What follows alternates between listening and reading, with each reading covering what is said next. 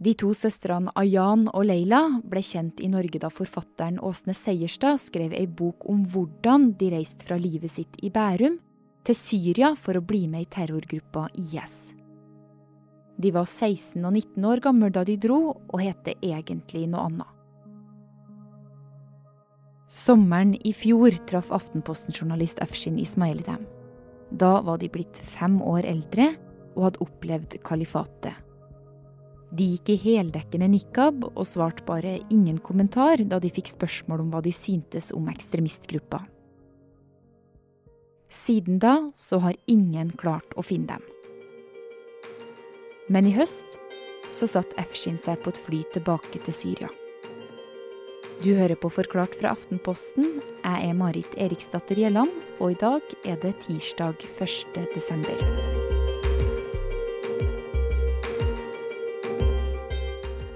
Forrige gang Aftenposten-journalist Afshin Ismaili møtte de to søstrene, så hadde den islamske staten de hadde levd under i seks år, blitt nedkjempa. Og mennene deres var døde. De kvinnene har ikke tatt en oppgjør med IS. De visste ikke hva kom til å skje med dem. De visste ikke engang at IS er eh, de er nedkjempet. Hvordan har det gått med dem? Og vil de fortsatt ikke fordømme kalifatet? Dette er noen av spørsmålene som Afshin har lurt på siden. Og da han reiste til Syria i høst, så var det for å finne svar på det. Men ikke minst å finne dem. For Afshin han har vært i Syria tre ganger det siste året uten å få tak i dem. Når han nå reiser tilbake, så er det til et land delt i tre. En kurdisk del i nord, en del styrt av Bashar al-Assad, og en del av opprørerne Den frie syriske hær. Han flyr til Irak, krysser elva Tigris i bil, inn i Syria. Så når du kommer inn til Syria, så er det vanligvis mye Så det er en del byråkrati i, i Syria. Så vi bruker jo noen dager på vanligvis på å søke forskjellige tillatelser til å besøke leirene, til å eh, transport, alt mulig sånne, sånne, ting man må søke tillatelse. Etter at vi har fått tillatelse, så uh, Og selv om koronaen var en uh, Man kan si en uh, Det var en forhindring. Men det var jo en fordel også for oss at det var ikke noen journalister inne i Syria. Så Pga. at det var mindre journalister i området. Altså det, var ikke, det var ikke mindre, men det var ingen journalister i Syria. Og det var bare oss. Så da var det fordel. Altså vi søkte inn, og så, så vi fikk kommet inn i leiren flere ganger.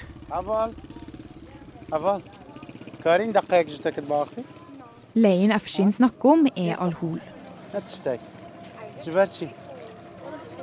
Dette er den flyktningeleiren i Syria vi har hørt mest om på nyhetene her i Norge.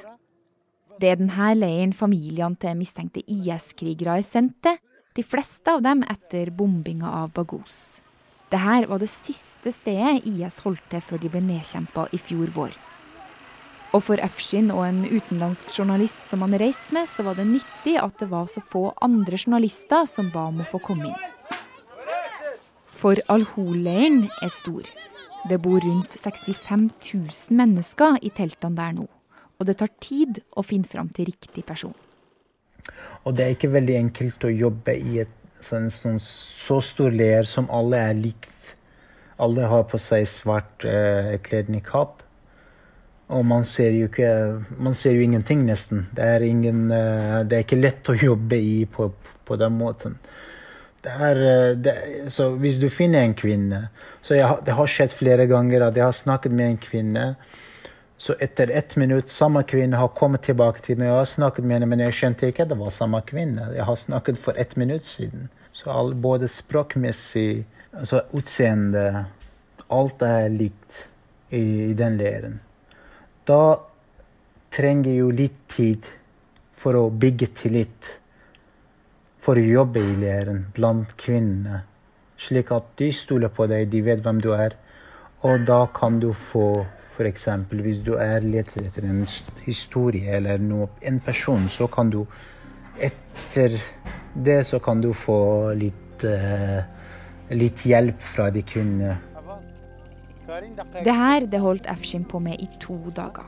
Han snakka med kvinner og prøvde å vinne tilliten deres, for kvinnene i Al-Hol er ofte skeptiske til fremmede og vil ikke si så mye. Og det som ofte sies, det er rykter. Et av ryktene han fikk høre, det er at søstrene han så etter, hadde rømt fra Al-Hol, og at de ikke var der lenger. Nei, jeg tenkte at nei, da har de kommet ut av leende er ferdig. Men da måtte jeg bekrefte den historien. Men hun kvinnen var veldig redd, og hun forsvant. Så Afshin han søkte om å få komme inn i leiren én dag til. Og han hadde flaks. Han møtte et par andre kvinner som ville snakke. Det har hjulpet veldig mye at uh, hun kvinnen som jeg møtte, hun skjønte jo meg fra før. Og da hun kom med en del opplysninger at uh, nei, jeg har sett det sjøl. At hun er blitt uh, tatt og blir flytta til en annen leir. Denne leiren ligger et stykke lengre nord i Syria. Rosh heter den, og Afshin han drar videre dit.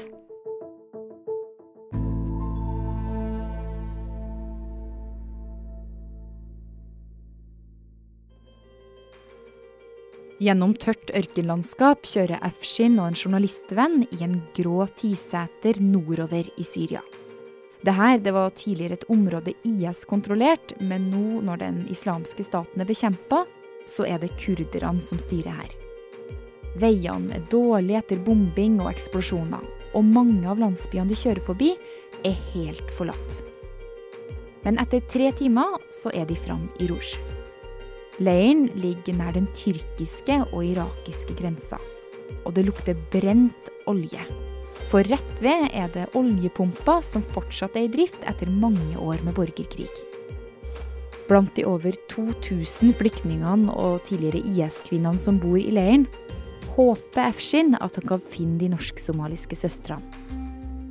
Og så fort han er frem, så spør han kurderne som driver den, om det er noen somaliere der. Det var en to somaliske søstre der, men det var de tvillinger. Fikk jeg se på bildene, og bildene var ikke likt som på de to somaliske søstre. Og så ropte jeg på et navn, da, sånn som kallenavn. Kan uh, Fins det en person som heter det? Det kallenavnet. Fins det noe som heter moren til Alia? Uh, ja, det finnes den personen. Men eh, hun er fra en annen, fra en annen land. OK, ba, bare hent den personen for meg. Så gikk de rundt, og etter ti minutter så kom de tilbake med, med henne. På dette punktet så sitter Afshin på et tomt presserom i en svart metallstol. Og etter ti minutter i stillhet så kommer det vakta inn med ei kvinne. kom det en, en tynn, høy, høyreist kvinne med solbriller, solbriller og munnbind foran ansiktet. Så hun kom inn eh, i det intervjurommet. Hei, sier Afshin på norsk. Han får svar på norsk også, og hun tar av seg solbrillene. Da fant jeg ut det var hun eh, Leila. Den yngste av de to søstrene har forandra seg siden sist Afshin traff henne. Hun har ikke bare blitt ett og et halvt år eldre, men ser også annerledes ut.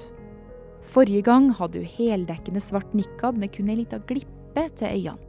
Denne gangen har hun hijab som dekker håret, men lar ansiktet være åpen.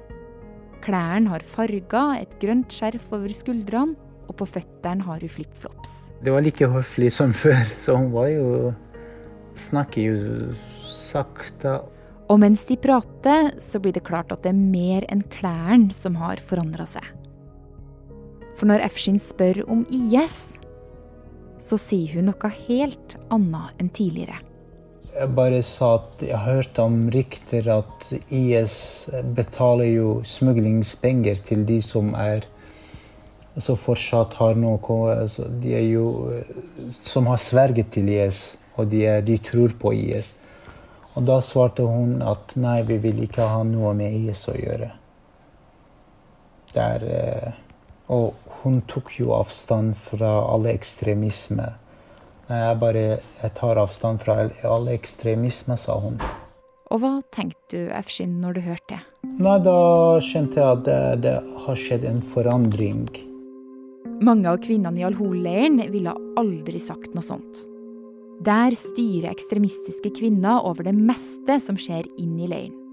Så for å gjøre noe med det, så flytta kurderne mange av de vestlige og mindre radikale kvinnene til Rouge. Leila og storesøstera Ayan ble begge pågrepet og vurdert. Men så ble de skilt. Leila ble sendt til Rouge. Der måtte hun ta av seg nikaben. For å unngå radikalisering så er det nemlig forbudt å gå med det heldekkende svarte plagget fra IS-tida i Rouge. I stedet må kvinnene ha på seg farger og vise ansiktet. Så teltene er, litt, det er mye bedre i Rouge. Det er bedre fasilitet, eh, lege. De har jo TV, de har jo tilgang til TV, og de kan se på nyhetene. I tillegg så er det skole for, eh, for barna i rouge Men i El-Hol så er det da er det, da er det kvinnene som har en religiøs skole for barna. Og i Al-Hol så har det ført til at de ekstreme meningene til IS blir videreført til neste generasjon.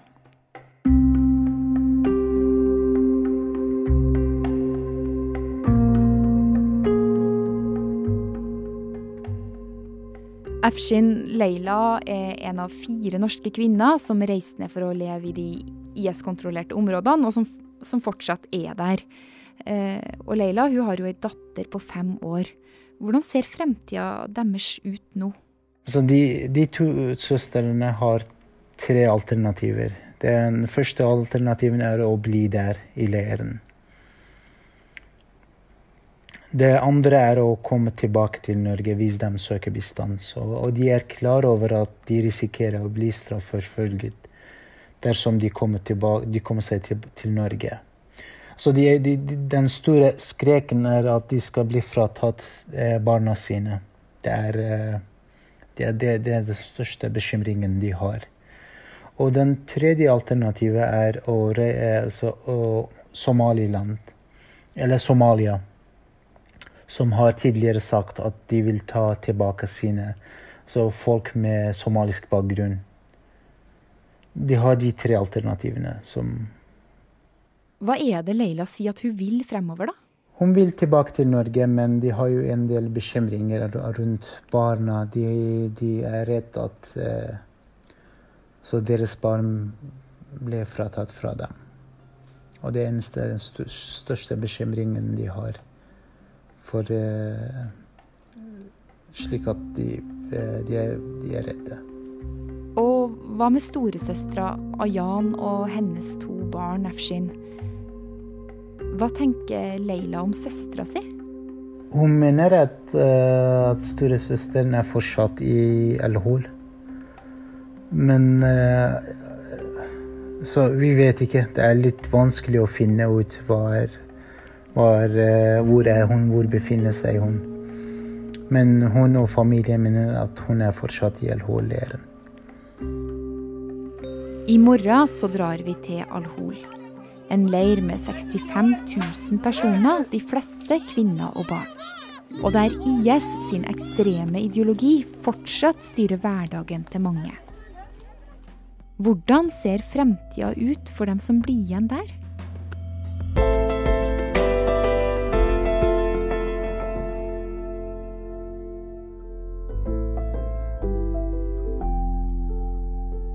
Forklart lages av Caroline Fossland, Fride Næss Nonstad, David Vekoni, Anne Lindholm og meg, Marit Eriksdatter Gjelland.